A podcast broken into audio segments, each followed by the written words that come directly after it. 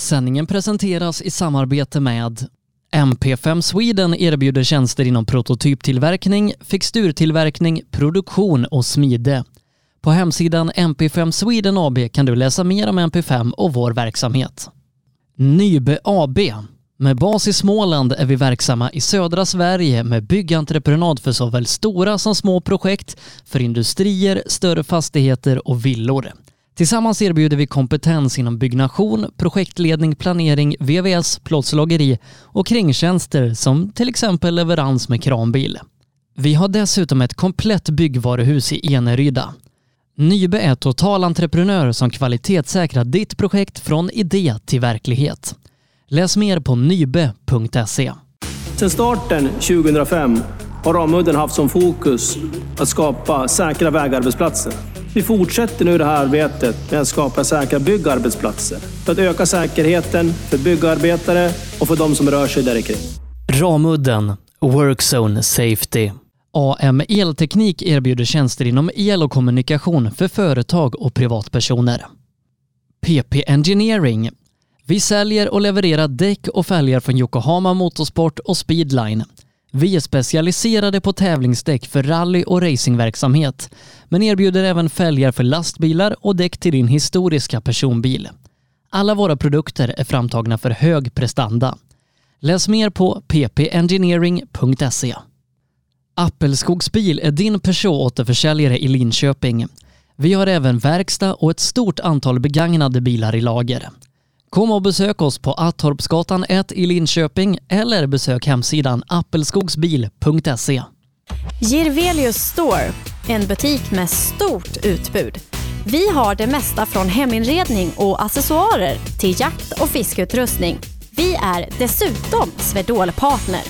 Besök vår butik på Vallgatan 45 i Fjugestad eller vår webbshop girvelius.com.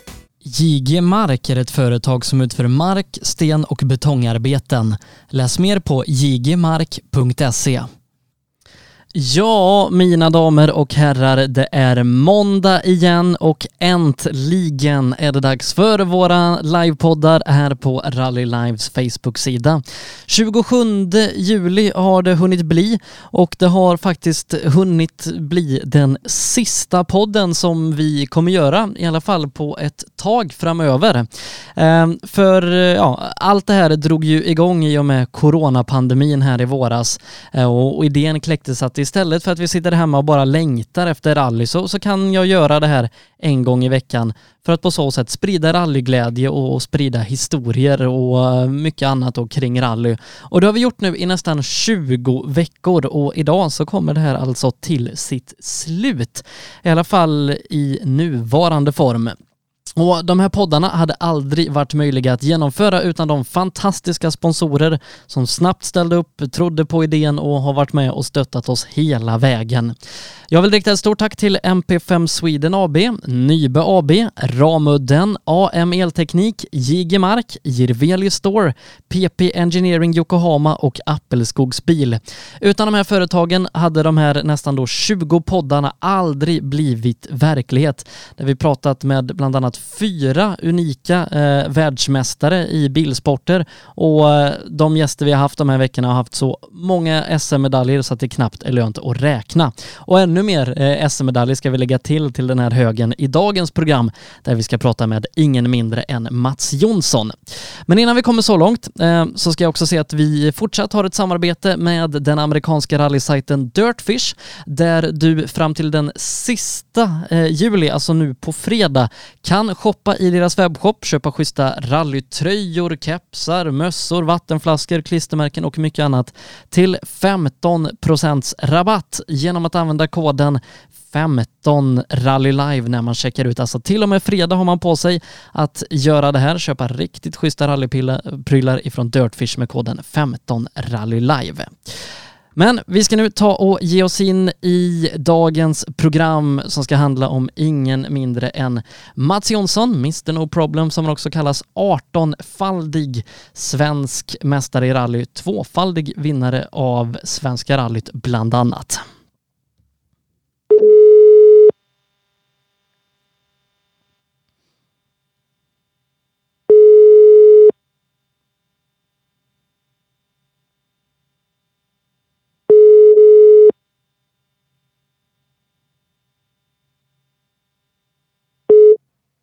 Ja, Mats hej. Hallå Mats, det här var Sebastian, rallyradion. Ja, hejsan du. Hallå, hallå. Du Mats, hur är läget? Jodå, det är bra vet du. Eh, har du semester eller jobbar eller hur, hur är det? Nej, jag jobbar. Jag har Ja. byta koppling på en Saab här. Jaha, ja, jag, Så det jag, har varit full dag. jag förstår det. Jag förstår det. Ja. Eh, du, eh, visst körde du lite rallybil häromdagen? Jo, jag provkörde lite. Jag var, var ju lite åksugen. Ja, och eh, Ja. la sig åksuget efter en repa eller blev man mer åksugen? Nej, men det blev bara mer åksugen då. Eh, Nej, då, det har ju varit så lite tävlingar så det är klart att nu är suget. ja, när körde du tävling senast? Eh, måste varit förra året någon gång va? Ja, det stämmer det. Det var utan en Mazdan tävling i Nora som gick på höstkanten där. Har du Det någonsin haft så här långt uppehåll från rally? Nej, aldrig. Någon gång ska vara den första säg. Ja, det är ju det. Eh, Du, jag tänker att vi, vi ska prata lite rally här, gå igenom eh, din fantastiska karriär lite grann och jag tänker att vi, vi börjar från början. eh, För hur började Mats Jonsson med rally? Ja, det var väl som så att jag hade ju en pappa som var väldigt motorintresserad. Även om inte han hade tävlat så var väl ute på rallytävlingar och motortävlingar överhuvudtaget i- från att vara väldigt liten. Så att intresse fanns väl redan från början. Och när liksom bestämde du att, men det här vill jag göra? Ja, det var, vet jag väl inte, men det var ganska tidigt och jag skaffade mig en bil innan jag hade körkort egentligen och började preparera den där. Och på det viset så fick jag väl åka kartläsa lite grann med min pappa och jag var även lite kartläsare med en kompis innan jag fick körkort kan jag säga då. Så att eh, det, det var nog väldigt tidigt att den var inne på att jag skulle prova att köra rally i alla fall. Eh, men- det var liksom aldrig på tal om att det skulle bli en kartläsarkarriär? Nej, det var det inte faktiskt utan det gällde ju att köra själv. Men, men på den tiden var jag tvungen att ha körkort och sen var jag tvungen att vänta ett halvår till innan jag fick börja. Jaha, så att du, du kunde liksom inte börja på 18-årsdagen?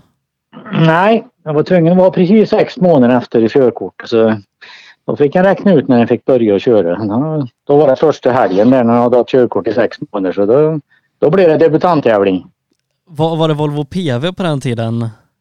Det var en PV. Alltså, vi hade gjort i ordning den så han var väl lite grann utrustad även om inte det var, det var väl fram, främst är det motorn jag vill trimma då så det var väl den som var lite trimmad då. Gick det bra eh, första tävlingen? Ja, det var ju det det gjorde. Det gick ju väldigt bra. Då var det ju tidtagning på debutanter då, så vi vann debutantklassen så det började ju väldigt bra. Det gjorde det faktiskt. Eh, när man liksom är 18 år då kanske man inte har som mål att ja, men jag ska vinna 18 SM-guld. Eh, men men vad, vad var liksom målsättningarna när du drog igång med, med tävlandet? Nej, jag ska nog säga som så. En såg ju upp väldigt vilka... Den nivån fanns nog inte men först att bli A-förare liksom tyckte jag var något väldigt stort kommer jag ihåg. De som var det var ju några väldiga stjärnor liksom. Så att... Eh, svårt att säga mål men visst att bli avförare först och främst det var stort det bara liksom. Och, ja, och sen flöt det väl på liksom och... Sen eh, det var väl inte så lätt heller. Då räknas det ju kalenderår. För första året kommer jag ihåg då fattades det väl en halv poäng för att bli avförare. Men sen fick vi väl börja om året därpå och då gick det riktigt bra att bli avförare ganska fort. Då. Så att sen eh, knallade jag väl på och sen var det väl Värmlandstävlingarna som gällde först och främst för det. Det var väl en bra skola också för att det, det var riktig konkurrens. Vilka liksom, finns det några i, i samma generation som har blivit duktiga sen? Ja, eh, först var det väl... Det gällde ju att vinna en tävling i, i Värmland var ju inte lätt och då var det ju Valfridsson. Per-Inge var det väl först kanske. Han åkte väl inte så mycket just när jag började men sen var det Sven-Inge Neby som var mekaniker där och han var ju också i topp. Och sen kom ju Lars-Erik Torp där också och var med och hotade så att eh, ja, det fanns mång, många, många duktiga värmlänningar det var det faktiskt. Nästan som ett litet SM fast i Värmland. Ja, vi hade ju den här värmländska rallyserien och bara den du, var 16, 16 deltävlingar som, som man åkte då för att åka serien. Så det var fullt upp på, med tävlingar i Värmland bara. Så det räckte ju gott innan, innan han började tänka på att börja åka SM liksom. Men var det, var det PVn fortfarande på den här tiden? Vad sa du? Var det PV fortfarande som gällde då? Ja, jag körde ju två år med PVn så det blev 60 tävlingarna. Och, Men ja, det var, kö- då började jag väl bygga en 142 sen för det var klart, det var ju tvungen att vara bättre. Så att eh, Då var det väl 142 han fortsatte med sen. Den körde jag i tre säsonger. 100, 104 rallyn tror jag. Oj. Uh, och, och, och, du är lite känd då, jag, jag, sa här i presentationen och vi ska komma in på det mer sen, men, men Mr No Problem så, uh, hade, du, hade du problem på den här tiden eller, eller gick det bra? Nej, det gick väl bra egentligen. Det var väl inte många tävlingar som jag bröt egentligen på den tiden. Det fungerade ju, det gick ju ganska bra. Och, uh, jag ville ju köra varje helg egentligen. Det, så var det väl egentligen innan jag klassade upp mig. Som jag sa till A-förare där så åkte jag B-förare vinter där och jag kommer ihåg det var ju den värmländska rallyserien och då var det väl kanske lite sur del på mig för jag åkte kvar längre bak i fält och åkte B-förare. Det blev ju nästan bättre då. Jag hade kört rena spår i, på vintern och men jag ville inte skicka in min licens då för då kanske inte hade någon licens nästa, nästa vecka för då var det ju postgång och grejer. Och det var ju varje helg om man säger i början på vintern, januari, februari och mars. Jag, jag pratade med Per Eklund förra veckan och, och han är ju, och tog upp det själv också, sin körstil där med att ja, han, liksom pratade om hur mycket han hade rullat och så. Eh, var du lugn redan på den här tiden eller, eller var du som så många andra när de är unga och nya? Nej, det var jag nog ganska lugn egentligen och var väl inte snabbast heller men den kom i mål liksom och jag fick träning i alla fall och det var nog det. Så det var inte så många. Det gick ju väldigt bra. Visst för en varningar ibland åkt av vägen liksom men peppar peppar liksom man klarar sig bra genom åren. Eh, men vidare då från den här värmländska rallyserien, när liksom började du blicka vidare till större ting? Ja, det var väl egentligen, eh, ja först och främst var det väl egentligen, jag hade kört två säsonger var det väl, då tittade vi på Sydsvenska rallyt egentligen och det var ju en jättestor tävling och det var väl egentligen att det varit värmlänningar som hade gjort väldigt bra resultat tidigare där också. Liksom. Man såg väl att det var, det var ju faktiskt han Jan-Erik Lundgren som var först och sen var det Sören Nilsson där som vann andra år. Och det kanske lockade att det var värmlänningar som hade gått bra där nere och ville nu åka den här tävlingen. Och det var väl precis när jag hade tävlat i två år egentligen. Och... Så att det, det, var väl det vi gjorde debuten egentligen med PVn egentligen. Så det, startnummer 165 tror jag. Kommer du ihåg om det gick bra? Ja, det gick väldigt bra första etappen och den var ju väldigt lång. Vet du. Jag tror vi körde ett dygn i sträck då. Vet du. Vi startade och körde hela natten och allting och körde ett dygn och jag tror vi låg 12-13 totalt efter första etappen. Så det var ju väldigt bra med det startnumret. Men sen direkt nästa dag då körde vi sönder drivaxel, bakaxel och då fick vi bryta faktiskt. Så vi kom inte i mål. När Men det liksom, var ändå roligt. Eh, när började du liksom satsa på SM? Ja, det var ju 1979. Sen jag åkte en SM-tävling 78 faktiskt med, med PVn. Men eh, slutet på 78 där så byggde jag 142an och den 1979 var det väl som målet var väl att åka SM. Jag tror inte vi åkte, jag kanske åkte första men vissa andra i alla fall för den var långt upp i Norrland. Det var för långt bort. Men vi åkte Skaraborgsnatta kommer jag ihåg, vintertävling och, och verkar få bli åtta och fick fem poäng var det som gällde då för att bli övre sida. Då blev det med en gång där övre sida i alla fall. Och det var ju en stor grej bara det. Och sen var det väl SM som har gällt i alla år.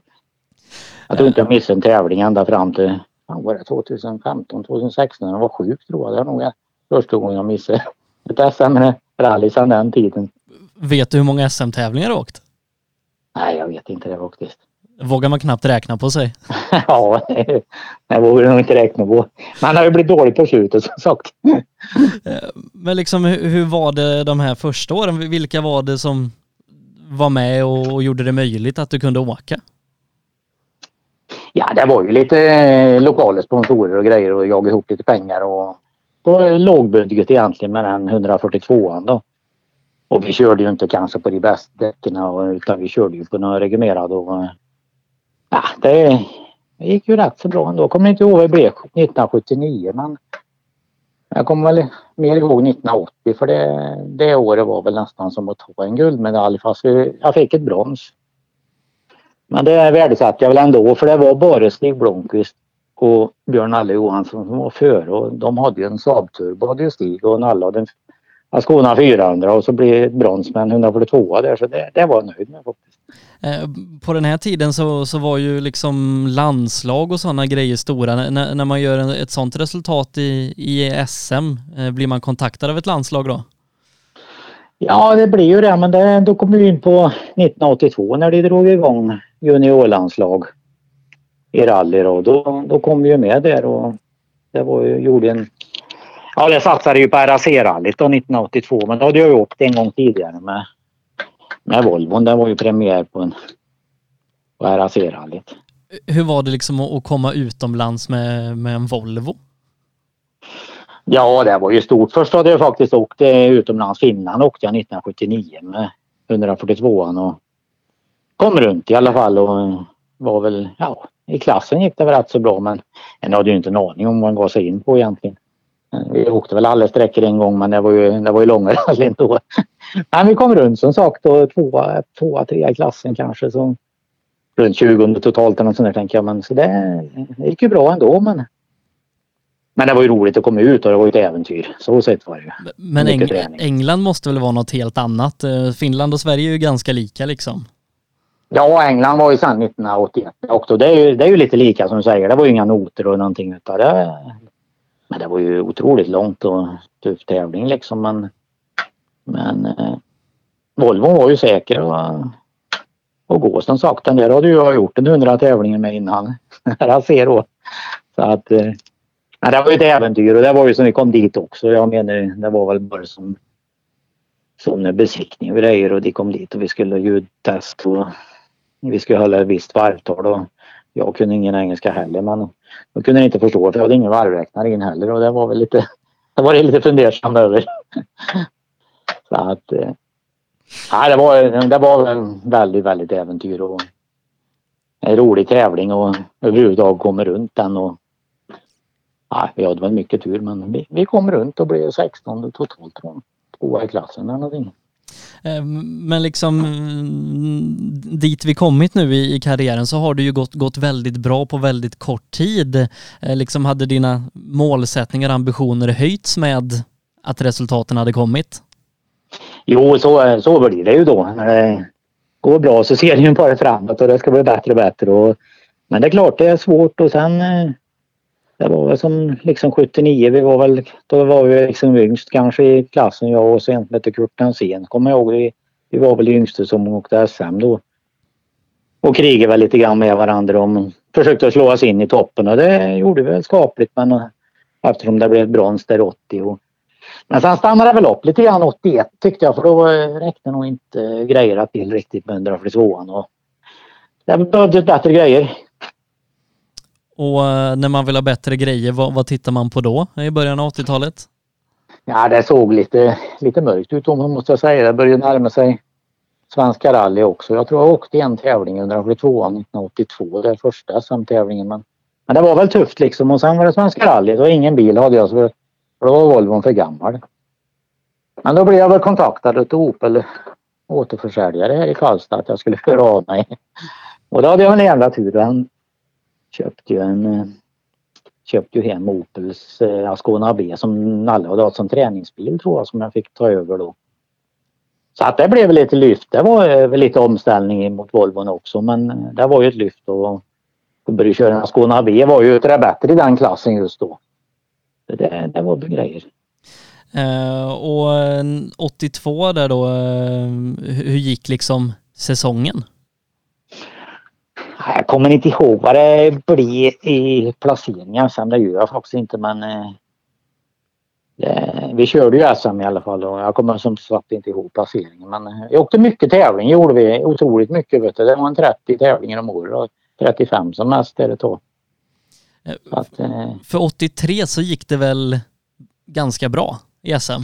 Ja, 83 tog jag ju mitt första SM-guld då. Och, och framförallt att vi det var väl lite sensation. Det var nog ingen som har räknat, inte jag själv heller, att vi skulle kunna vinna Sydsvenska rallyt 1983. Det, så det är klart, eh, det var ju väldigt, väldigt stort. Det var det ju.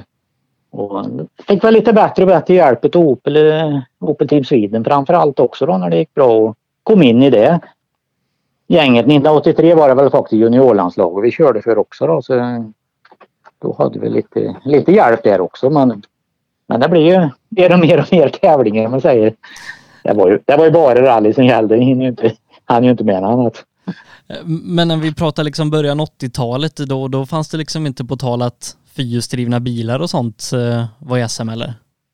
Nej, det gjorde det väl inte. Jag kommer väl faktiskt ihåg det, att, men det var redan när vi går tillbaka till 1980, om det kunde varit 81. Jo, då var det ju Stig Blomqvist körde av det Quattro och vi åkte Bergslagsrally. Och han startade bakom mig jag. Han satt ju mer och tittade bakåt än framåt tror jag. När han skulle komma och passera ungefär med en Audi Quattro. och han passerade så några gånger också på sträckor tror jag. Jag menar det var långa sträckor också. Så att det var väl han som kom med en fyrhjulsdriven bil men annars var det väl ingen som åkte SM. Det var väl någon tävling han gjorde då. Eh, men, men efter ett SM-guld och liksom stöttning av Opel och, och sånt här landslag, hur, hur, såg man framåt vidare? Ja, det var ju framförallt bara SM då. Men sen var det ju som, som vi var inne på RAC förut och det, det blir ju också en sån där en ville åka varenda år liksom. Den ville ju inte missa RAC-rallyt för det, det var ju en höjdartävling på det liksom att avsluta säsongen med. Och, så att det, det var väl det och ja, Finland hade jag åkt igen 1983 om vi ser på internationella tävlingar då. För det är klart, den tittar ju på det också men, men den hjälpen och din sponsorer den hade så var det ju i Sverige som gällde egentligen. Och visst, den tittar ju framåt men det fordras ju resurser då. Uh, Opel Team Sweden då har vi pratat om en del, eh, framförallt med, med Nalle och liksom det fanns ju ändå kopplingar uh, uppåt mot fabriksteam och sånt. Men liksom hur, hur såg din relation liksom i, i Opel-teamet och vart placerar man in dig liksom i, i kartan? Ja, det var väl, vi var väl i ja, ett, ett team i, tillsammans, vi tre, eller det var ju tre då, för det var ju även Björbo Bil med Kenneth Eriksson ifrån början där. Sen var det Håkan Eriksson som kom in i det. Och, man, och det är klart, vi krigade ju med varandra också och vi körde ju med SM och även mindre tävlingar. Och det var ju strid om sekunder. Alltså att, eh, det var ju nyttig träning liksom. Man fick ingenting gratis. i alla fall. utan, och alla vill ju vara bäst. Så är det ju. Så att, det triggar nog oss allihop tror jag. Uh under liksom den här tiden då så, så går du ju från, från bak till framhjulsdrift bland annat när eh, liksom kadetten och, och så kommer. Eh, hur var det att hoppa, hoppa till det? Ja det var det väl. Jag gjorde väl en premiär eller Svenska rally 86 här. Då skulle, åkte väl jag min första framhjulsdrivna bil kan man säga den, till den tävlingen och det är klart det var väldigt väldigt ovant. Och jag tyckte väl inte bilen var, han var inte färdigutvecklad riktigt 86 så jag jag åkte nog mest eller Skåne istället det året och vann ju SM det året också. Det blev ett guld till och innan, ja, det kom fram lite bättre grejer till kadetten kan man säga. Det blir dagboxlåda, växellåda och det blir styrskärv och en lite bättre diffspärr och det. Och så i slutet på säsongen då 86 gick jag väl över till framhjulsdrift mer och mer då. Det var väl kraven för Opel också. Man kunde inte åka kvar i den här Skåne även om den var bra men så att eh, det var väl ifrån och med 87 egentligen som kadettgasin gällde bara enbart bara. Det var det. Då, då var det bara framhjulsdrift. Och, nej, det tog ett tag att ställa om sig och köra framhjulsdrift det tyckte jag nog. Men sen när det bara var den bilen som gällde då, då var det en väldigt bra bil och väldigt effektiv bil egentligen. Och det var, då gick det ju framåt och då fick vi ju även lite kontakter. Det var ju Opel som pushade väldigt här och det är mycket att tacka dem för att den kom framåt liksom fick satsningar och fick även hjälp ifrån fabriksteamet. Jag fick ju köra VM-tävlingarna i Finland och England för fabriksteam egentligen kan säga. Så det var ju, var ju suveränt. Eh, hur, hur, var det liksom att, att köra i team med, med, fabriksbackning om man liksom ser resan från en egenbyggd PV eh, till att köra för ett fabriksteam i VM-tävlingar? Ja, allt, allt har ju sitt. Det är ju liksom lite roligt med egna grejer också men sen är ju fabriksbilar, det är ju utvecklat och de har resurser liksom och man behöver inte tänka på något annat liksom än att, än att köra så är det klart prestandan blir ju skillnad liksom. Man kan köra framförallt kanske göra lite tester och, och ha bra grejer så det, och då var det ju målet liksom att komma in där och åka mer och mer VM-tävlingar så det, det var ju bara det som gällde då när man hade kommit så pass långt. Så.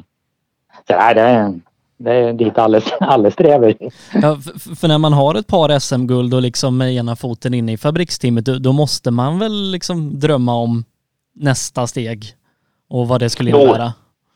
Jo, så är det ju faktiskt, även om jag tycker det har varit väldigt roligt att åka till Sverige också. Men det är klart, det är ju en VM-säsong som hägrar för alla då när den är på den nivån. Så är det ju. men det är klart, det har alltid varit väldigt, väldigt tufft om, om att komma in och få en, eh, en plats i ett VM-team. Och Opel kanske inte på den tiden, då var det ju fyrhjulsdrivna bilar som gällde i VM när vi kom in. Fast vi bara hade framhjulsdriven. Och det var ju en egen klass i och för sig men det var ju inte så där kanske upphasat som eh, om vi säger junior-VM blev. Vi åkte våran klass och tävlade där men det kanske inte var den publiciteten som skulle vara för en sån klass på den tiden egentligen. Men, men hur funkar det liksom? De, de, de stod för bil och allt sånt. Du, du bara kom och körde typ?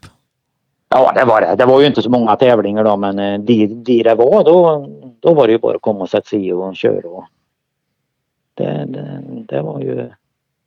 Det är ju väldigt kul då, även om inte det var någon, någonting jag tjänar pengar, men jag fick åka gratis och det är ju inte så lätt för någon att få göra det idag en gång.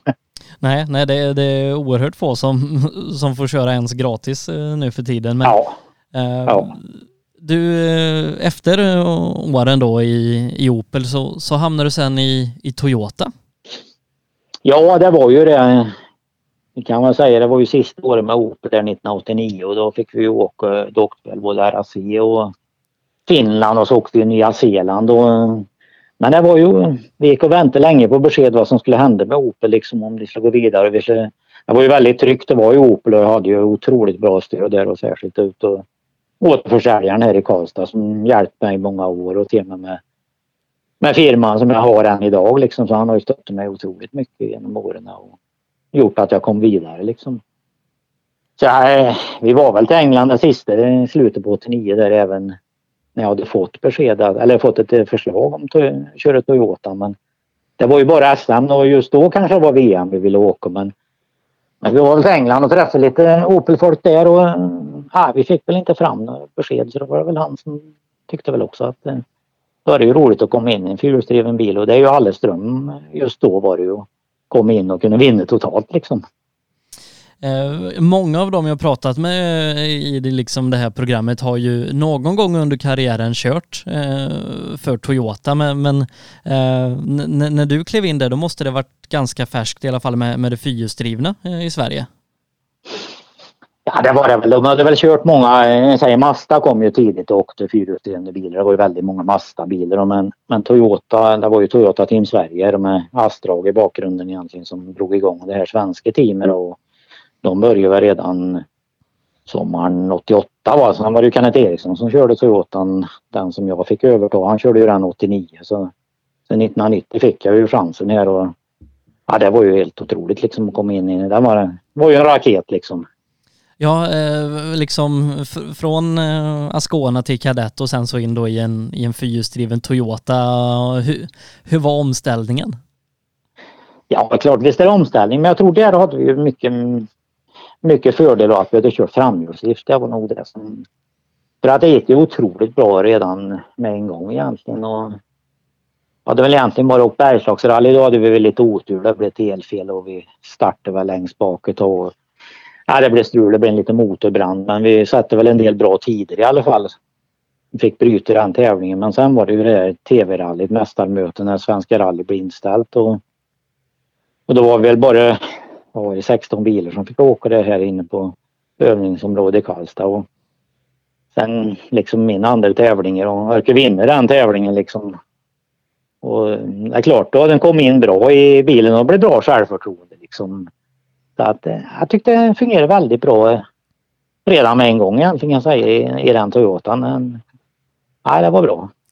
Men liksom ditt huvudfokus var SM på den här tiden då? Ja, det var det. Och det var väl det. Det var ju helt suveränt att få åka SM men sen blev det ju liksom, det gick så bra med den här bilen och då var det ju, nej men det där behöver inte åka något mer än SM. Du behöver ju inte träna och åka massa småtävlingar. Jag ville ju åka allt som gick då egentligen. Men eh, jag fick ju bara låna bilen till till SM liksom så att det gick väl något år där var det inte så många tävlingar jag åkte 1990 heller och den verkar väl förlösa en bil ifrån fabriksteamen begagnad sån C-liga som jag hade och åkte lite lokalt med sen 92 var väl det 91, 92 där. Så vi kunde åka lite fler tävlingar då. Eh, vi, Men det var ju suveränt. Vi, vi ska ju komma ja. till, eh, till Svenska rallyt där då i Toyota-tiden, för, för där har du ju onekligen bra minnen ifrån. Eh, ingick Svenska rallyt i SM då eller varför fick du köra VM-tävlingen?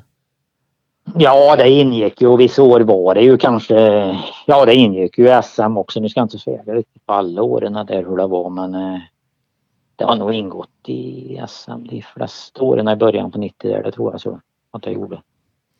Eh, för, för 92 där så, äh, det är väl redan, är det redan 91 som du är med och, och fightar som en total pallplacering? Ja, 91 så leder vi ju rätt så länge faktiskt. Det var ju egentligen, då kanske inte 91 kanske inte det var så jättemånga toppbilar med egentligen men Kenneth Eriksson var ju väldigt etablerad och han åkte ju Mitsubishi Galanten där och den var ju heller inte dålig. Och och vi hade ju en riktig, riktig fight egentligen och skilde väl inte så mycket men Kenneth åkte väl på en tjuvstart kommer jag på så jag gick upp i ledning och ledde väl och när vi startade sista etappen var det väl så skilde det väl bara några sekunder emellan oss men vi försökte väl att slå men vi rådde väl inte på honom riktigt och förlorade väl eh, med 20 sekunder någonting 91 tror jag. Så vi blev tvåa det året så vi var ju och det gav väl väldigt gensvar för gentemot fabriksteamet också.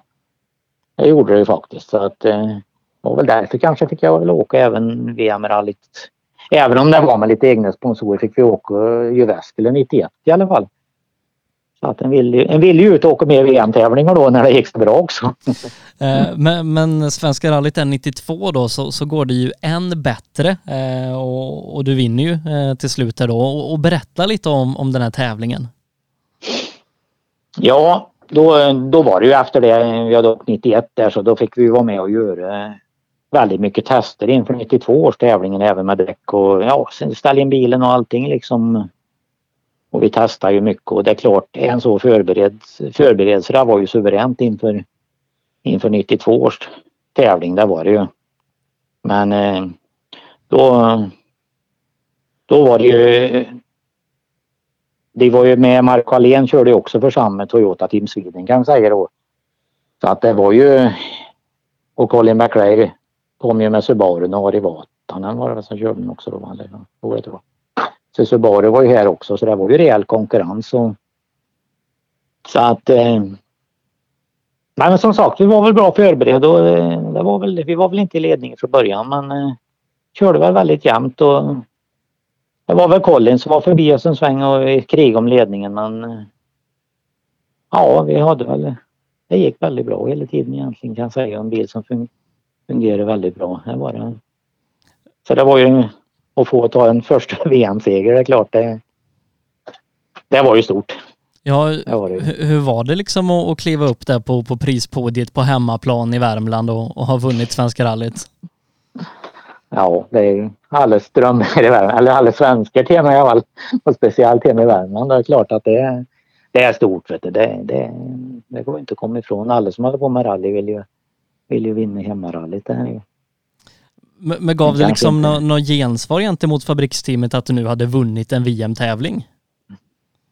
Nej, det var väl på gång mycket och Ja, vi glömde väl bort då 1990 faktiskt. Då hade jag ju fått åka RAC-rallyt med, med Toyotan i slutet på det året faktiskt. Och det gick ju väldigt bra. Jag gjorde fyra där så var ju på gång att få åka en hel del VM tyckte jag. Och vi pratade väl även med påven Andersson där en hel del. Och var väl halvt och halvt lovade tävlingar och sen blev det väl ingenting liksom. Och, men, men som du säger efter 92 där då var jag även anmäld och skulle åka RAC med Toyotan. Och var anmäld och allting och det var ju med den svenska bilen här men i sista stund så kom det väl en besked och så är det ju i den här sporten att nej, vi ska ha en som är sponsrad utav Marlboro. Så då var det faktiskt Mark Ahlén Mark Alén som knyckte min Toyota istället så fick jag inte åka. Så det var ju tufft att få till några styrningar i, i VM, det var det eh, men eh, 93 där då, eh, Svenska rallyt igen och din andra raka seger. Ja det var det ju. Det var väl samma där. Vi hade gjort mycket, mycket tester i Toyota eftersom då skulle ju även Joa Kankon, då var det ju märkes-VM. Det var det ju inte 92, då var det bara förar-VM. Men det var ju märkes-VM då 93 så då gällde det mycket mer. Så då var ju ordinarie Joa och DDR Aurol med också då. Men jag gjorde väl de mesta testerna ihop, eller i fastdrag som säger. Och det var, var ju väldigt bra. Han åkte ju med mig på nästan alla tester och han tyckte han kände ju mycket med han satt bredvid och han såg väl hur den fick jobba med bilen och vi testade mycket. Och, och då var det ju den nyare Toyota-modellen 185 an hette ju den karossen. Förut hade vi åkt med 165 modellen kan man säga. Han kommer så väl ihåg en test vi hade gjort. Jag tror vi hade kört en fyra, fem dagar där och vi tyckte väl det gick väldigt fort på det och Astra tänker jag. Men sen och Gulla var där med den gamla bilen och jag fick hoppa in och ta en rep i den bilen och den var väl inte, var väl inte de värsta grejerna i men helt plötsligt så var vi fem sekunder snabbare på den här testvägen med den bilen.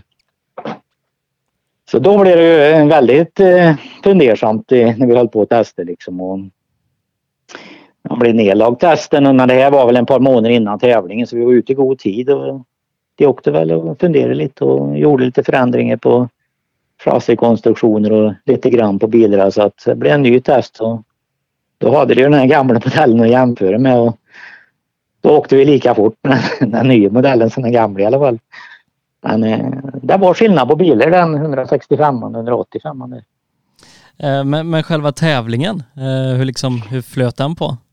Ja, det, då gick jag ut med startnummer ett och det är klart det, det var pressen och Nej, vi var väl med från början men det var ju tufft om sekunderna hit och dit och eh, kommer ihåg väl Fredriksbergssträcka då åkte jag på en punktering och tänkte helsike liksom men vi körde väl allt som gick ändå så skärmarna flög väl nästan men vi tappade väl en 40-50 sekunder på sträcka där och var väl lite efter från början där då men det var ju bara att kämpa på det och köra och det, kan säga då var väl jag och Roll upp i ledning liksom så vi var väl fyra stycken som Eh, skifte placering i ledare säger. Sen fick han eh, en punktering. Ja, sen var det Colin McRae och gick en drivaxel från honom. Och så där höll det väl på egentligen och, och även Joa Kankonen var ju med där i toppen då men det skifte och alla hade någon punktering och så vi bytte väl placering hela tiden och även om man tyckte de var avhängd så helt plötsligt så var det rätt så lika allihop igen, vi fyra i alla fall. Så det var väl som så men slutet på andra dagen var det väl, då hade jag problem för då hade jag vattentemp på 120-130 grader i motorn så det var ju något fel på blockpackningen. Så vi var väl nästan rädda att vi var tvungna att bryta. Jag kommer ihåg sista sträckan jag gick faktiskt i övningsområdet i Karlstad där och när vi kom i mål där var det ju som en ångmaskin. Men han gick ju bra ändå. Men då gjorde ju servicen suveränt arbete egentligen. De bytte topplockspackning på 30-35 minuter på kvällen på, på min där. Och vi fyra låg väl egentligen, ja vi låg bara inom några sekunder när vi startade sista etappen egentligen.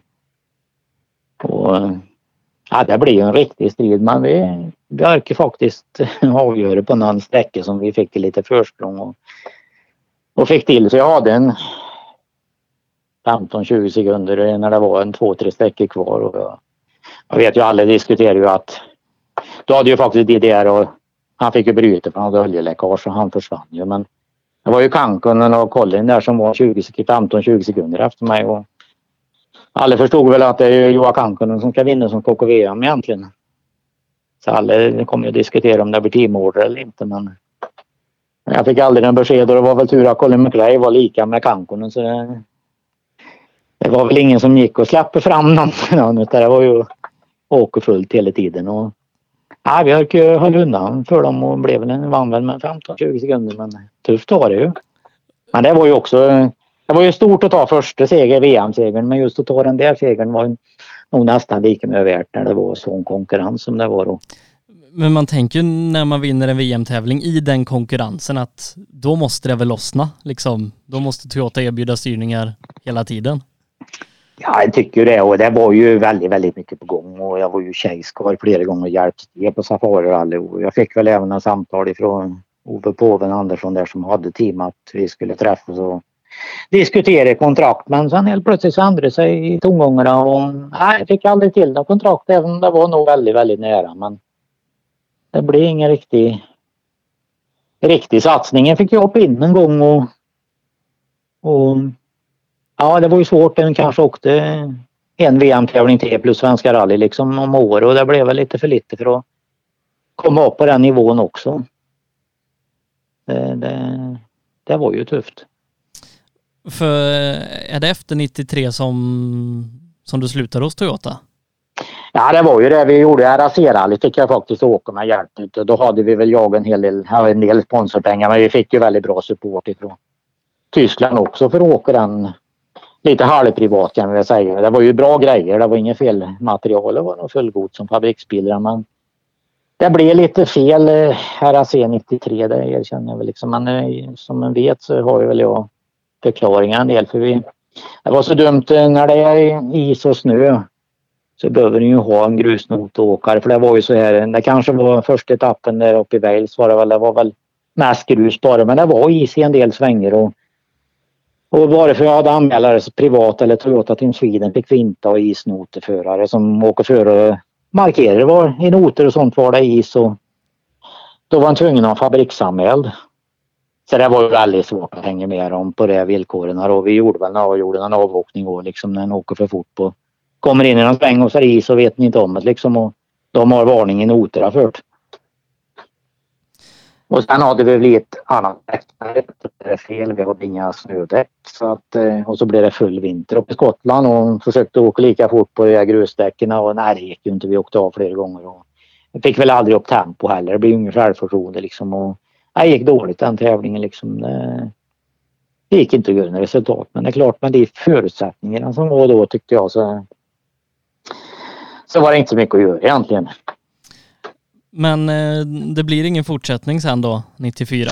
Nej, men jag vet inte. Det var väl inte... Det har jag väl aldrig fått reda på egentligen. För om vi går tillbaka 93 då så hade jag kört ner Toyota 90, 91, 92, 93 och vann SM alla år. Men 93 kan man säga det var ju stenhårt egentligen om SM-guldet. SM, SM det var ju framförallt Thomas Gullabo Jansson som också körde en likadan Toyota och var sponsrad av Kinnarps kontorsmöbler där nere i Kristianstad. Han var ju sponsor men de hade ju hyrt en likadan bil som, som jag hade då och det var ju strid om sekunderna i varenda SM-tävling 1993 kan jag säga egentligen. Men, och det var så jäkla jämnt så jag kände väl hot ifrån honom och att det är klart att eh, blir hotad om man får en stryk i SM så vill ju gärna prova en ny förare egentligen. Men eh, det var så... Hässleholms SM-tävling var det sista och det var så jäkla jämnt hela tiden så när vi startade sista sträckan så skilde det tror jag en eller två sekunder emellan så den som vinner tävlingen den är svensk mästare liksom. Ja. Och vi verkar avgöra på sista sträckan. Då, känner ni sig rätt säkra att nu får ni fortsätta i alla fall. Ett år till liksom och köra bilen. och så var det väl tänkt också. Det var faktiskt tänkt så de hade ju faktiskt Toyota hade ju skickat in anmälan och anmält mig till första SM-tävlingen 1994 som var Bergslagsrally. De hade ju anmält sig. Jag anmälde med Toyota och allting. Och sen helt plötsligt eh, var jag faktiskt erbjuden att åka Race of Champion i Kanarieöarna var det ju sådär mästarmöte bland det var väl mer som en riktig rallysprint där nere då. Så det var ju alla VM-förare och vi var där. Blev erbjudna att åka och där nere fick jag väl reda på egentligen att inte jag fick fortsätta nästa år. Så det, det var väl lite lite surt faktiskt. Så det var bistert. Men du får ihop en satsning med, med en Masta till 94? Ja, det var ju det var också en historia. Den var ju helt otrolig egentligen. Jag gick ju här och funderade och och nej, det såg ju väldigt, väldigt mörkt ut egentligen att få ihop någonting då. Jag hade ju min egen Toyota men just då var jag väl inte så jättesugen på att köra en Toyota när jag precis hade fått sparken mer eller mindre. Då ville jag inte köra den överhuvudtaget. Mm. Men eh, det var väl som så han, han som sponsor Gullabo han ringde väl mig faktiskt Kinnarp möbler där och talade om att för jag tog väl för givet också att nu har det ju lagt sina sponsorpengar och så får han köra fabriksbilen istället liksom eller ifrån Toyota Sverige men han ringde och förklarade att så är det inte och han var besviken som bara den på för de Gullabo han sa han, Gullabo han hade väl sagt att de skulle köra en säsong till och då kände han att han blev blåst på det. Så han sa nu lägger jag ner allt med rally. Jag har ingenting med det här att göra ville han förklara för mig liksom. Så, att, så gick det väl några dagar liksom och, och sen ringde han väl upp mig igen och funderade på ja men du jag skulle kanske kunna sponsra dig istället om vi hittar en, en bil. sa han. Och då var det som sagt, då hade jag väl lite kontakt med Slev Olofsson där som ägde en Mazda som Nalle hade kört året före. Han hade kört 1993 en sån GT, Mazda GTR. Det var väl ingen dålig bil så jag tog faktiskt med min egen privata Toyota så åkte jag väl upp och gjorde en test mot den här Mazdan där och fan det verkar konkurrenskraftigt. Och, och Steve ställde upp helt otroligt. Jag fick låna den där bilen och han, ja, han och en kompis det, trimmade väl och skruvade på motorn åt mig och fick låna den där bilen helt ja, skötte den själv men, men eh, det fanns ju både servicebilar och särdelar. så, så det var ju helt suveränt. Jag ställde upp och jag lånade den en säsong där och, och jag var väl mer motiverad än någonsin liksom kanske och, och kriga om ett om SM-guld så att nej det var helt det var jätteroligt år det året faktiskt. Och vi var med och krig om SM-guld ända till sista tävlingen. Och, och det var väl ingen Toyota som var före. Det var Stig Blomqvist tog väl SM-guldet för oss istället. Men var det inte så att du också slog Toyotorna i Svenska rallyt? Jo, då var det bara Thomas Gullabo som körde Toyotan kan man säga 1994 därför att det blev, då var det egentligen inget VM i Svenska rally mer än för de tvåhjulsdrivna bilarna. Så egentligen var det väl var det som en SM-tävling kan man säga fast det var fast det var Svenska rallyt då. Det var ju en rejäl SM-tävling men det var ingen VM-poäng då. Men det var ju Thomas Rådström som tog segern i den tävlingen då 94 det. Och vi blev tvåa men han körde ju han körde inte för Toyota Sverige Rådström. Han körde privat då. Så vi var väl med och körde om segern då men vi blev tvåa då. Det skilde lite grann. Uh, men det blir, blir det bara Nej, det blir två år i Mastan va? Ja, det gjorde det. Sen eh, kom det ju nya regler inför 95 och tänkte det kommer, kommer då eller ströp ju ner effekten i bilarna. Då var det ju 38 mm restriktor i 94 där och 95 skulle det bli 34 då. Och det kanske gynnar Mastan för det var ju en mindre motor och mindre kubik in egentligen tänkte jag och det, ja, det kommer att bli riktigt bra 95 egentligen. Och kommer jag väl ihåg första tävlingen var Bergslagsrally igen tror jag 95 var det år var det. Och vi hade bra fart i grejer och tog ledningen och ledde väl tävlingen rätt så bra också men då blev det motorras, inte en vevaxellag. Och, och eh, tyvärr 95 blev det så. Vi hade alldeles för mycket motorkrångel på mastan då. Jag hade otur. Det, det gick sönder alldeles för mycket på den så att eh, då blev det väl att eh, det var tungt så fortsatte satsa men då det är klart det fanns ingen fabriksteam i Mazda och så att det blev väl att Steve sålde bilen och äh, den stod utan bil där efter 95 så att men kör du inte Svenska rallyt för Subaru det året? Jo, då, då, när jag dök väl upp det inför Svenska rally då hörde ju... Det var också lite roligt faktiskt. Den var faktiskt nere och fick åka det här Betega Memorial, var det gick väl i Italien i, i december 94 var det ju faktiskt. Och det var lite roligt då. Jag fick inte köra Toyota här men jag blev erbjuden att köra en Toyota nere i Italien. så jag fick ner och köra där och åkte den mästarmöte där. Och när jag var där så fick jag besked. Det var, var väl faktiskt var det, eh, det var Rickard Börns som körde där nere och då fick väl, han hade ProDrive Subaru-folk där och de fick jag besked att de har bokat flygbiljett. Jag skulle åka via England hem och fick träffa och diskutera Subaru. Och eh, ett möte med Dave Richard där om, om jag ville åka Svenska rally. Och, men jag vet ju också, vi hade bestämt att jag skulle åka Mazda egentligen hela året. Jag tänkte jag måste ju åka hem och diskutera det först men nej, där fick jag få mig över natten liksom. Ska du åka eller inte liksom. Och jag fick ju ringa och kolla det här och förankra det lite grann och, men då fick vi, blev vi överens så att, så att eh, fick ju chansen att åka Subaru i Svenska rally och det var ju en riktig fabriksstyrning liksom. Nej, lön, det kan ju aldrig tänka sig då att få, få det till mig liksom. Nej, det var ju suveränt. Eh, men eh, du fick problem va? Eh, men var det motorn?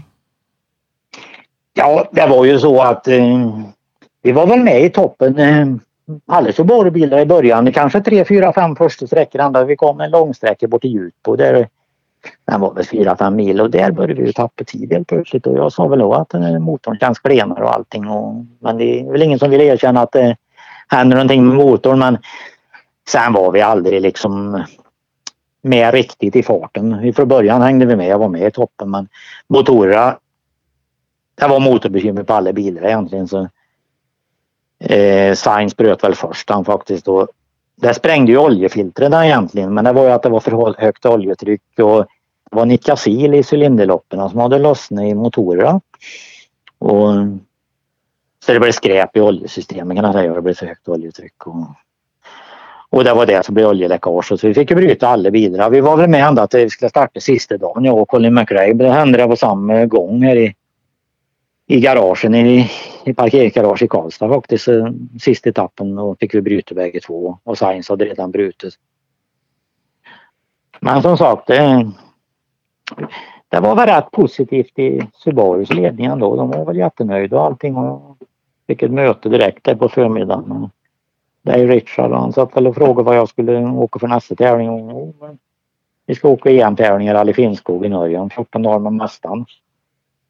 Sa vi väl då. Det var väl det som var på gång. Ja, men kan du inte åka Subaren där istället? Så kör vi en test till då. Så. Ja, fan det är ju helt perfekt. Och så den där bilen jag hade kört svenska med den stod med ny motor där redan på kvällen sen i mitt garage. och allt var redo för att åka 14 dagar senare och det skulle komma över med en tekniker men men så gick det några dagar så helt plötsligt kom det på att nej, fan, det är nog samma delar i den motorn så det är ingen idé. Så, han, så då blev det ingenting. Och det blev... Då var väl lovad, då var väl lovad en annan VM-rally istället för åka men, men som sagt det är ju så. Det är lätt gjort att det rinner ut i sanden. Sen, sen blir det inget mer. Eh, men 96 då, eh, efter eh, de här maståren, så är du väl tillbaka i Opel en sväng? Ja, då var det ju som så. Jag fick ju inte till när det är ju alltid svårt att hitta pengar och bilar och det är ju så. Då, då hade jag mina kontakter med, med Opel-team och det var väl egentligen lite på gång att vi skulle ha gjort något ihop med Ford skulle köra tvåbilsteam, Blomqvist och eventuellt jag skulle ha kört en med sin kinnarsponsor där då i en Ford Escort men då var det person som blev teamkompis med Stig där och körde Forden 96 istället, en Cosworth. En grupp A-Ford där. Men då blev ju Opel över istället så då fick jag väl överta Astran och börja gå tillbaka till framhjulsdrift ett år. Det var väl också en utmaning. Det var väl kanske inte vad jag hade tänkt mig. Men det var ju roligare än att inte vara med alls. Så det var väl lärorikt men det var väl en sak med fyrhjulsdrift så att eh, det var väl tufft att ställa om sig. Det är ju lite skillnad att gå in för fyrhjulsdrift och framhjulsdrift då. Det, allt har sitt.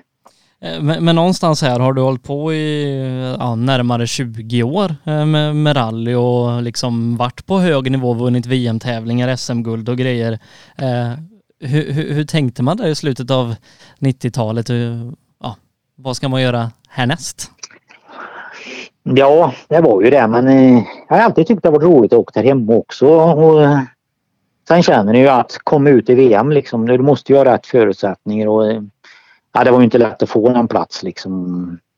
Det är ju en jäkla konkurrens så att eh, jag nöjde mig väl också om jag fick åka SM liksom och vara med och tävla i alla fall. Det var väl kanske det fordrades ju mycket pengar räknas ju för att komma ut och få en VM-styrning liksom. Så då är det roligare att ha en bil och åka hem liksom. Och, då blev det väl att jag köpte en Escort. Det var väl den som Persson hade kört 96. Då var den till salu inför 97 där. Så jag köpte väl den bilen och så försökte jag jaga lite sponsorer och få ihop det på något vis. Och då blev det ju en SM-klassning även 97 i den.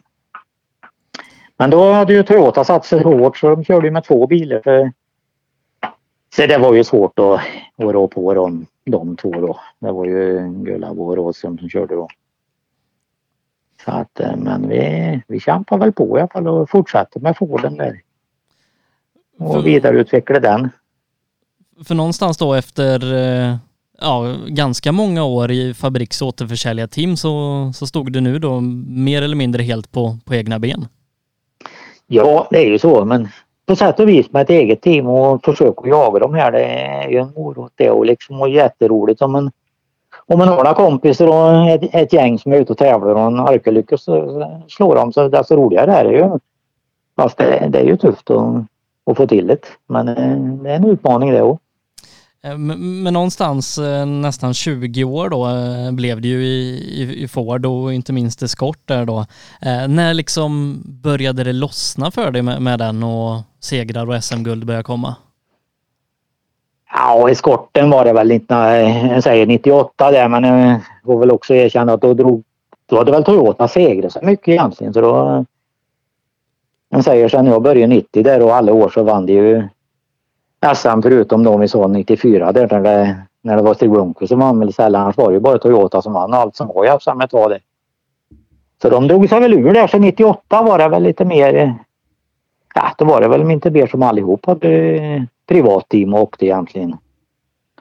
Så då mm, gick det ju väldigt bra med eskorten och jag ville utveckla den och eh, vann väl SM 98 och 99 eh, stod jag väl över den för då var det ju lite andra regler. Då var det ju framhjulsdrift som skulle gälla i SM tror jag. Så jag åkte nog faktiskt i Norge istället då en sväng där ett år. Men då hade vi byggt om det till VRC och vi hade väl lite bekymmer och även skulle åka Svenska rally men han fick bryta. Var det riktigt surt. Vi hade väl byggt bil i två, tre månader och första sträckan kommer 800 meter så går växellådan sönder så det, det var bistert. Men det är väl så man bygger en ny bil ibland och inte det är utprovat riktigt och fick bekymmer men vi fick väl ordning på den sen i alla fall och sen 00 då var ju SM tillbaka här som, som vanligt egentligen så då åkte vi, vann vi väl tre år på rad 00, 01, 02 med den eskort VRC'n. Men, men du åker väl någon säsong i fokus sen också? Ja, men då kommer vi ända till då kommer vi ända till 06. Ja, vad, vad, hände, vad hände däremellan då?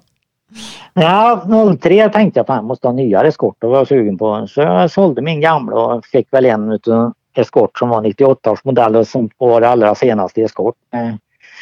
Aktiva differ och ja, det var det sista en fabriksbil. Jag tänkte den är lite bättre men ja, vi hade lite otur med den då faktiskt. Det krånglade mycket i början på året och motorras och det var väl inte som vi hade hoppats på så det det tog nog hela 03 innan vi fick ordning på det.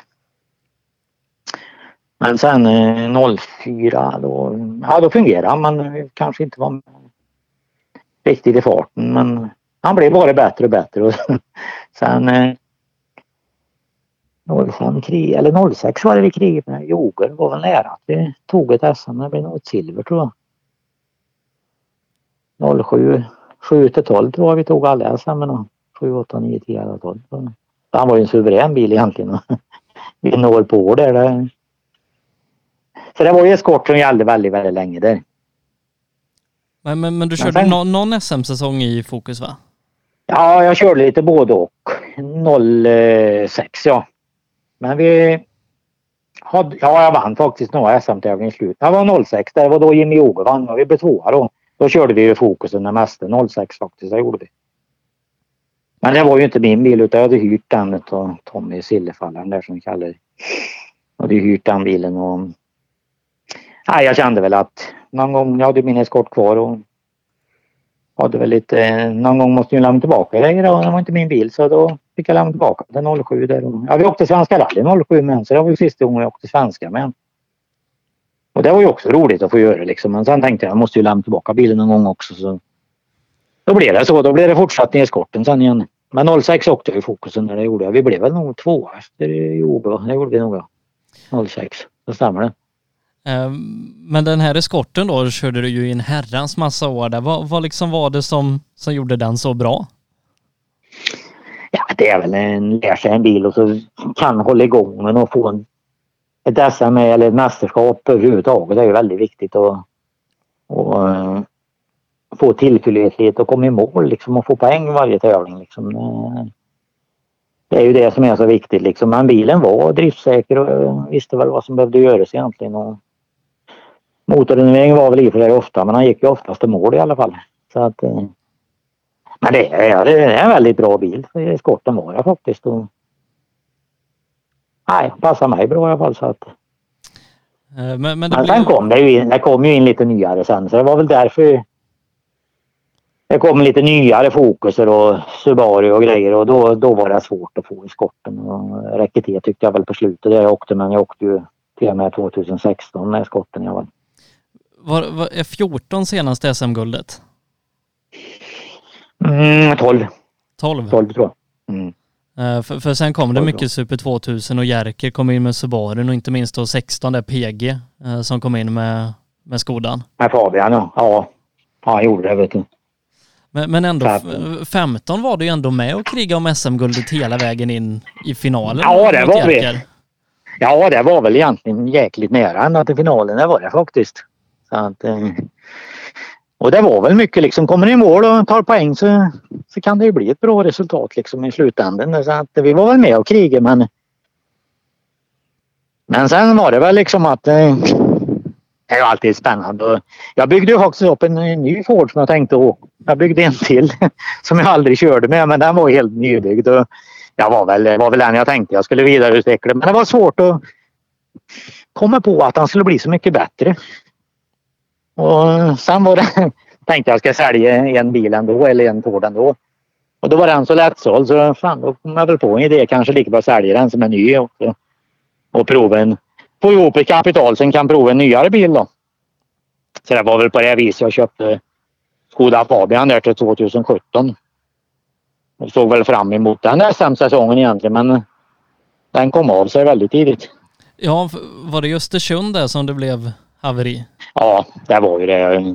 Redan sträcka två där så blev det ju ett rejält motorras. Det var ju stort hål i motorblock och, och det var väl inte lika lätt som Forden. Den hade inga delar och, och ja, svårt att få tag i delar. Det skulle skickas iväg allting och men till slut fick en... Ja, det var så dyrbart också då så då fick en ju ta sin tid liksom och samla ihop delar och försöka laga den själv istället. Men eh, men det var ju tufft. Men det tog sin tid och det var lite databoxar och grejer som var krångel. Så att säsongen gick väl mer eller mindre men men eh, då tänkte jag väl att det får väl ta sin tid och så får den väl komma igen senare och försökte väl igen sen 2017 men men eh, eller 2018 var det i Östersund men hade väl oflyt först. Det var ju Östersund igen och eh, liksom gått troll lite där uppe då med den där bilen kände jag. Precis 200 meter därifrån när vi hade motorras. Där stannade det åt elfel istället så att han blev strömlös. Och det var väl i och för sig något skitfel bara då, som en skruv till någon huvudströmbrytare som ramlade bort. Och... Men då var ju den tävlingen körd också. Och sen var det lite svårt med, med delar och, och nej, jag tröttnade nog lite på det. Det var för krångligt men så då eh, la jag ner den satsningen lite grann och började fundera på något annat.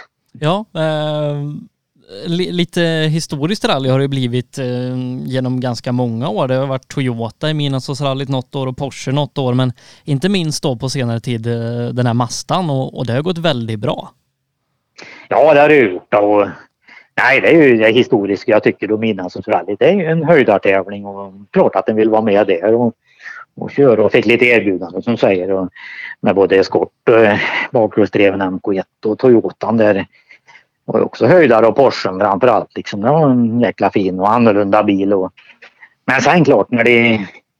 Då hade jag min egen Mazda som jag hade haft som tänkt som en lite sponsorbil först. Så började jag skjutsa lite folk och lite sånt där. Men fan bygger om den till historiska ställen. Och och det är ju den tävlingen och även Svenska rally historiskt förstås som var med på ett vis som är en höjdare. Och, och, ja, det är klart det är en jättebra bil i den klassen och det. Och vi åkte ju Midnattsrally tre år med så.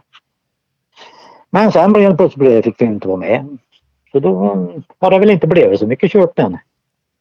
Vi, ska komma in på vad som står i garaget här om en liten stund där, men, men innan det så tänker jag vi, vi, vi blickar lite bakåt igen och eh, jag, jag, nämnde liksom det i början där när man är 18 år och kör sin debutanttävling då kanske man inte tänker att jag ska bli 18 fall i svensk mästare men, men nu är du det och liksom eh, vilket SM-guld av de 18 var svårast att ta? Var det det som vi var inne på mot Gullabo? Ja, det var det. Det var ju absolut det som var svårast.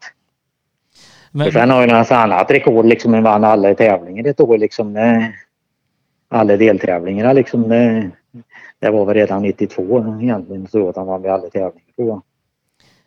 Det är också något sånt där mål men som, som svåra som säger det är ju absolut den fighten med Gullab det året. Det var det. Vilket av dem liksom värdesätter du mest? Håller du, håller du kärast? Ja du.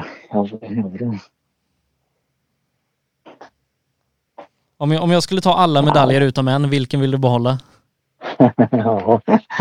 ja, det är klart det första guldet är ju också väldigt, väldigt speciellt som tar 1983 och fått SM-guld liksom. Det, det är stort på sitt sätt men just eh, prestige där det är nog faktiskt det, det är 93 där som vi sa när det var rätt eh, fight och det avgörs på sista sträckan och kommer i mål. Liksom. Det, är nog det jag minns mest i alla fall faktiskt. Men, men, när man har liksom 18 SM-guld så och ja, redan innan det, eh, hur motiverar man sig att fortsätta? Ja, det tycker jag inte är något problem faktiskt. Det, för det är som sagt, det är nytt år liksom och man får ingenting gratis. Och det är ju som de här gångerna som säger en, en vann Svenska rally 92 liksom. Sen kom det till SM-tävling. Det är ingenting med gratis ändå. Det gäller fram att kör för fullt och konkurrensen har ju funnits och, och eh, en får bjuda till och försöka allt en kan i alla fall. Så att, eh, sen klart så många år på rad som jag har haft ibland, det är väl lite otroligt faktiskt. Men jag tror mycket också att några grejer har fungerat och, och en inte bryter tävlingen liksom utan med och plockar poäng hela tiden. Och kanske inte har varit snabbast jämt men, men en tar sina poäng och i en serie som sagt, det är jävla viktigt. Eh, Eh, det är ju många som, som försöker. Robin Sandberg är ett exempel som försökte sedan 92. Christian Johansson eh, någonstans också där. Eh, men vad är nyckeln till att vinna ett SM-guld? Var det det du var inne på liksom? Jämnheten? Ja, det tror jag. Det tror jag. Sen är det du säger, liksom vilket kommer ihåg mest. Sen kommer ni ihåg mest det ni förlorar ibland. också konstigt nog. Så det var nära att vinna SM-guld. det kommer ni också ihåg ibland.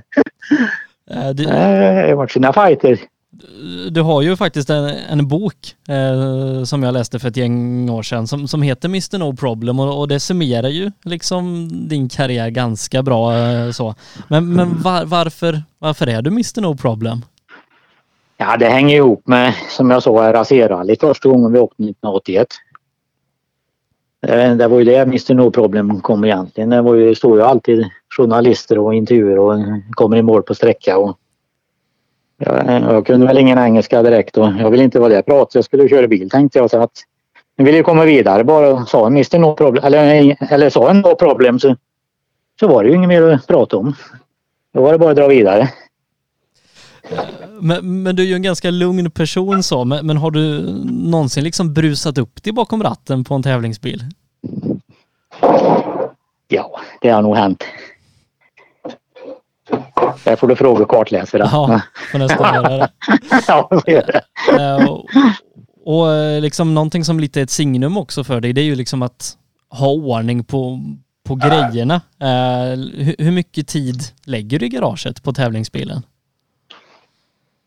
jag lägger ju väldigt, väldigt mycket tid och jag tycker kanske att det är lite roligt att skruva och på sätt och vis även fast jag håller på med bilar hela dagarna. Och så är det ju en annan sak grej med tävlingsbil men jag tycker väl det är roligt att kunna preparera ju någonting bättre och liksom förbereda sig. Och, för det är klart, förbereda sig ja, och sen är det svårt. Allt kan hända liksom en tävlingsbil, det vet man aldrig om man inte byter allting jämt. Och, men det har vi ju inte kunnat gjort liksom på de resurser vi haft utan kanske kontrollera och titta och ta isär bara. Och, nej, men det, jag tycker det är lite roligt att också förbereda sig så gott det går på den fronten liksom.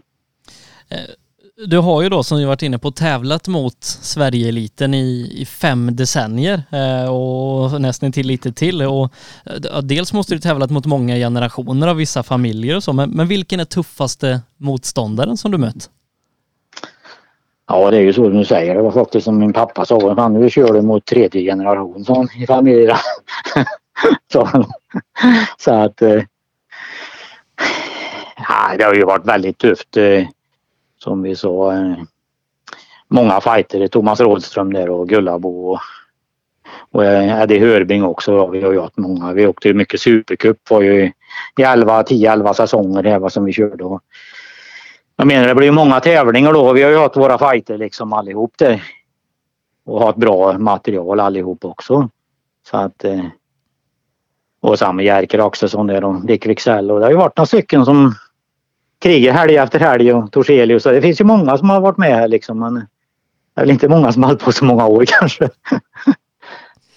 Uh, du har ju haft uh, ett gäng kartläsare under åren men en har ju hängt med dig ganska mycket. Uh, Jonny där då. är det inte så att han fyller år idag? Jo det är det.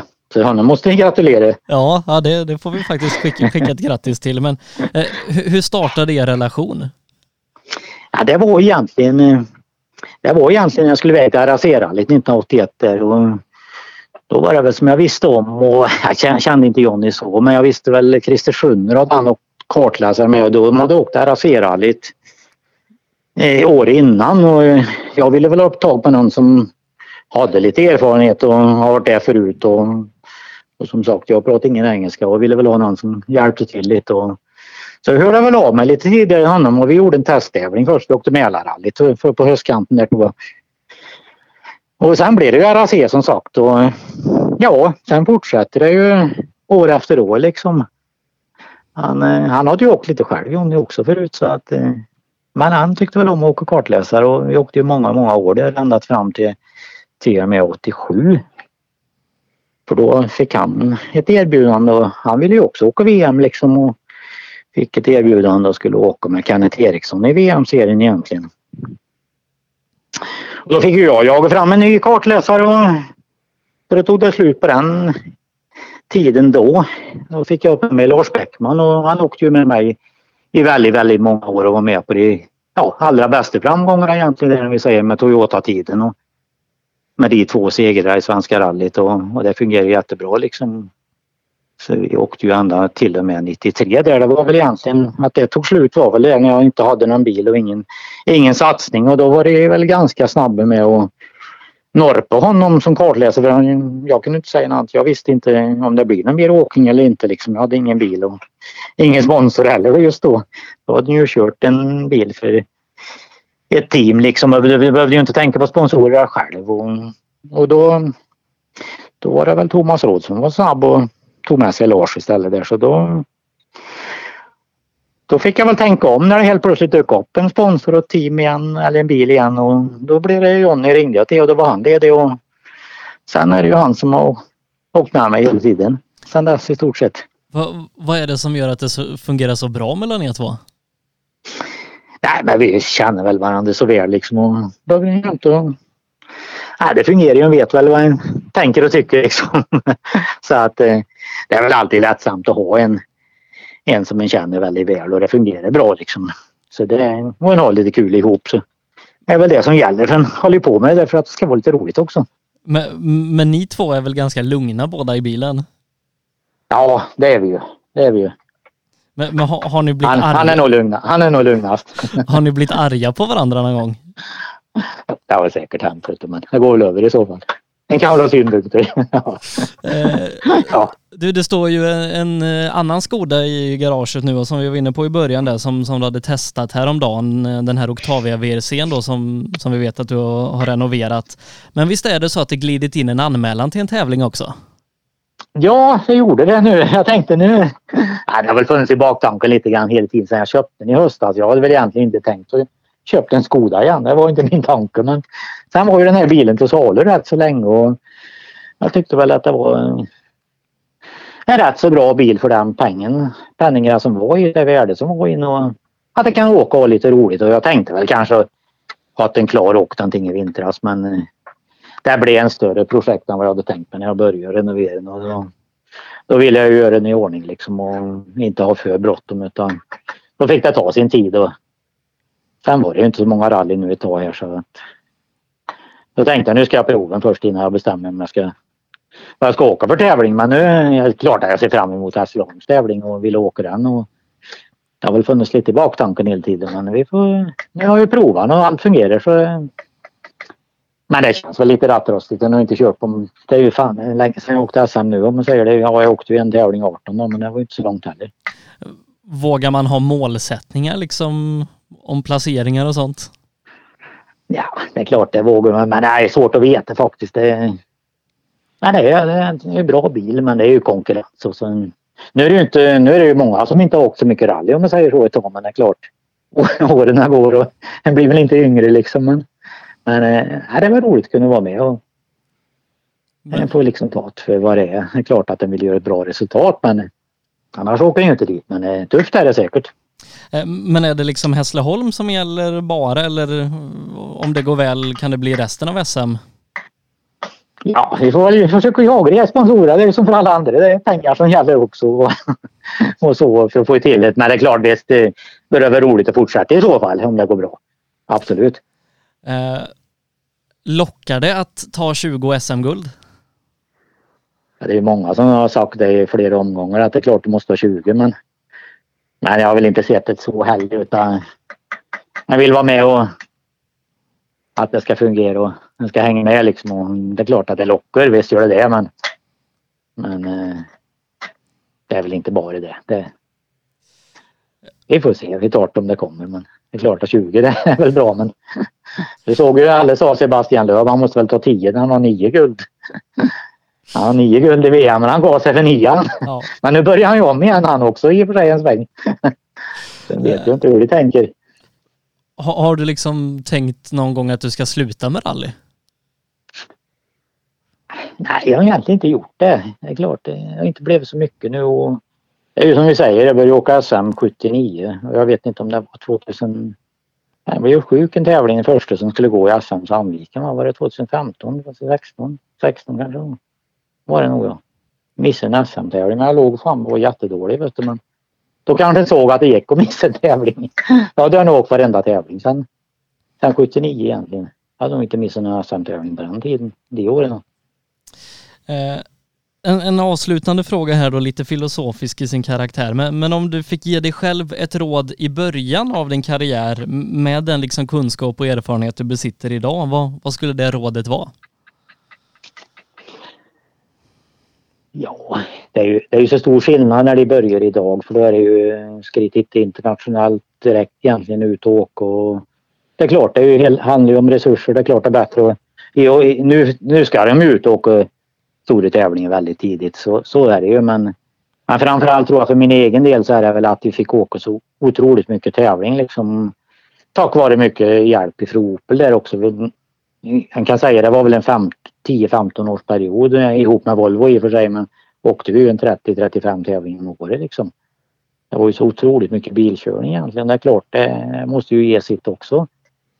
För det är väl träning som gäller liksom och förr var ju tävlingarna mycket längre också så det är väl det en ser utomlands nu tycker jag eh, i sina mästerskap. De har ju långa tävlingar men, men det är inte så många som får gjort ekonomi till det och kunna köra så mycket mil. Det är väl det som är problemet. Ja, jag, jag, fick lite, lite hjälp med, med en fråga här från, ja det, det är nog någon som du, som du känner ganska väl, men eh, jag skulle fråga om en resa eh, från Stockholm när du var i lumpen. Åh jäklar du. Kan det komma en sån fråga? Var det sista gången vi åkte hem eller? Ja, det, det var något sånt eh, om, eh, om vad som sades i bilen när du blev stoppad av polisen. ja. Ja, det var en lustig sak. Är det rallyrelaterat? ja, det är klart att vi körde för fort när vi blev stoppade men, men polisen sa att vi hade kört, han hade hängt på väldigt, väldigt länge. Och kört efter oss den här bilen måste gå fort sa han. Men eh, han sa att vi hade sett att vi hade kört förbi där det var heldragen linje sa han. Men eh, under den här resans gång så hade vi stannat på stället och drack kaffe också men det tog jag inte tala om för polisen. för det stämmer ju inte riktigt men den där heldragna linjen var inte så dyr böter Så att det var bättre att vara tyst om det. men det gick väl kanske lite för fort. Så var det väl. Eh, du Mats, det har varit jätteroligt att, att prata med dig om, om, din fantastiska rallykarriär och uh, som sagt, uh, vi ser fram emot Hässleholm här om, om några veckor så, så syns vi där. Ja men det gör vi. Du, har det riktigt fint och, och, tack för din tid som sagt. Tack så mycket. Hej. Ja. Ja, mina damer och herrar, där pratade vi med legenden Mats Jonsson. 18 SM-guld, två totalsegrar i Svenska rallyt bland annat. En riktig legend som som sagt är tillbaka i rallybilen om ett par veckor bara när han eh, ställer upp i SM-omstarten i Hässleholm och givetvis ska vi följa honom och alla andra då eh, i rallyradion som vi sänder därifrån. Ehm, som sagt så var det här eh, den sista podden som, ehm, som vi gör eh, här i, eh, ja, vad man ska säga, den här corona-rallypodden eh, som vi har gjort sedan i mars när den här pandemin tyvärr drabbade världen och ställde in alla tävlingar. Och eh, ja, eh, 19 avsnitt tror jag det blev. Vi har pratat med världsmästare som Phil Mill, Stig Blomqvist, Johan Kristoffersson, Timmy Hansen, svenska mästare som Björn Alle Johansson, Tobias Johansson, Thomas Rådström, PG Andersson. Vi har pratat med många av de allra främsta svenska och internationella bilförarna, eh, bilsportsutövarna. Eh, men tyvärr så kommer den här podden behöva ta en paus. Eh, Eh, för att, eh, ja, helt enkelt så är, som, som Mats var inne på, eh, pengarna tar slut ibland och det, det har de gjort nu. Eh, men eh, jag har alla ambitioner att komma tillbaka med den här podden i september. För det finns fler människor jag vill prata med. Det finns många fler historier som jag vill höra och förmedla. Och inte minst så sätter ju mycket av rallytävlandet igång igen här i augusti. Och eh, med tanke på att det är många som inte kan vara ute på, på plats på tävlingarna och så, eh, så vill jag via det här forumet också förmedla reportage, sammanfattningar och annat ifrån de tävlingar som körs. Så att min absoluta ambition är att kunna komma tillbaka i september. Men för att göra det Eh, så krävs det sponsorer för att vi ska kunna driva det här projektet vidare. Så vill man vara med och sponsra eller stötta det här på något annat sätt så kontakta mig, Sebastian Borgert, antingen här på Facebook eller genom att mejla oss eh, och mig då på sebastiansnablarallylive.se. Eh, och utan de fantastiska företag som på väldigt kort tid ställde upp i början av coronapandemin i mars så hade det här inte varit möjligt att genomföra och det är MP5 Sweden, Nybe AB, Ramudden, AM Elteknik, Jigemark, Jirvelius Store, PP Engineering Yokohama och Appelskogs bil. Utan de företagen hade det aldrig varit möjligt. Men som sagt, eh, från, eh, från och med nu så, så tar vi en paus på obestämd framtid och förhoppningsvis första måndagen i september kan vi vara tillbaka. Eh, men för det krävs som sagt sponsorer så att eh, har ni eh, ett företag och vill vara med och sponsra, känner ni någon som kanske kan vara intresserad, hör av er till mig så att vi kan se till att göra det verklighet och fortsätta samlas kring rallysporten och förmedla den här fantastiska sport och historierna som finns bakom. Miss inte att lyssna på alla samtliga 13 poddar som finns ute nu. Eh, som sagt, från början där vi pratar med Rickard Göransson, Johan Kristoffersson och Tina Turner i första avsnittet vidare eh, hela vägen till nu med alla de fantastiska berättelser som eh, vi har fått ta del av under resans gång. Lyssna gärna på dem Eh, och som sagt eh, om ett par veckor då är vi tillbaka inte minst med rallyradion från SM Hässleholm och så hoppas jag innerligt att vi syns eh, i det här forumet i september igen. Jag tackar ödmjukast för ert stora visade intresse under de här veckorna och säger som sagt på återhörande. Sändningen presenteras i samarbete med MP5 Sweden erbjuder tjänster inom prototyptillverkning, fixturtillverkning, produktion och smide. På hemsidan MP5 Sweden AB kan du läsa mer om MP5 och vår verksamhet.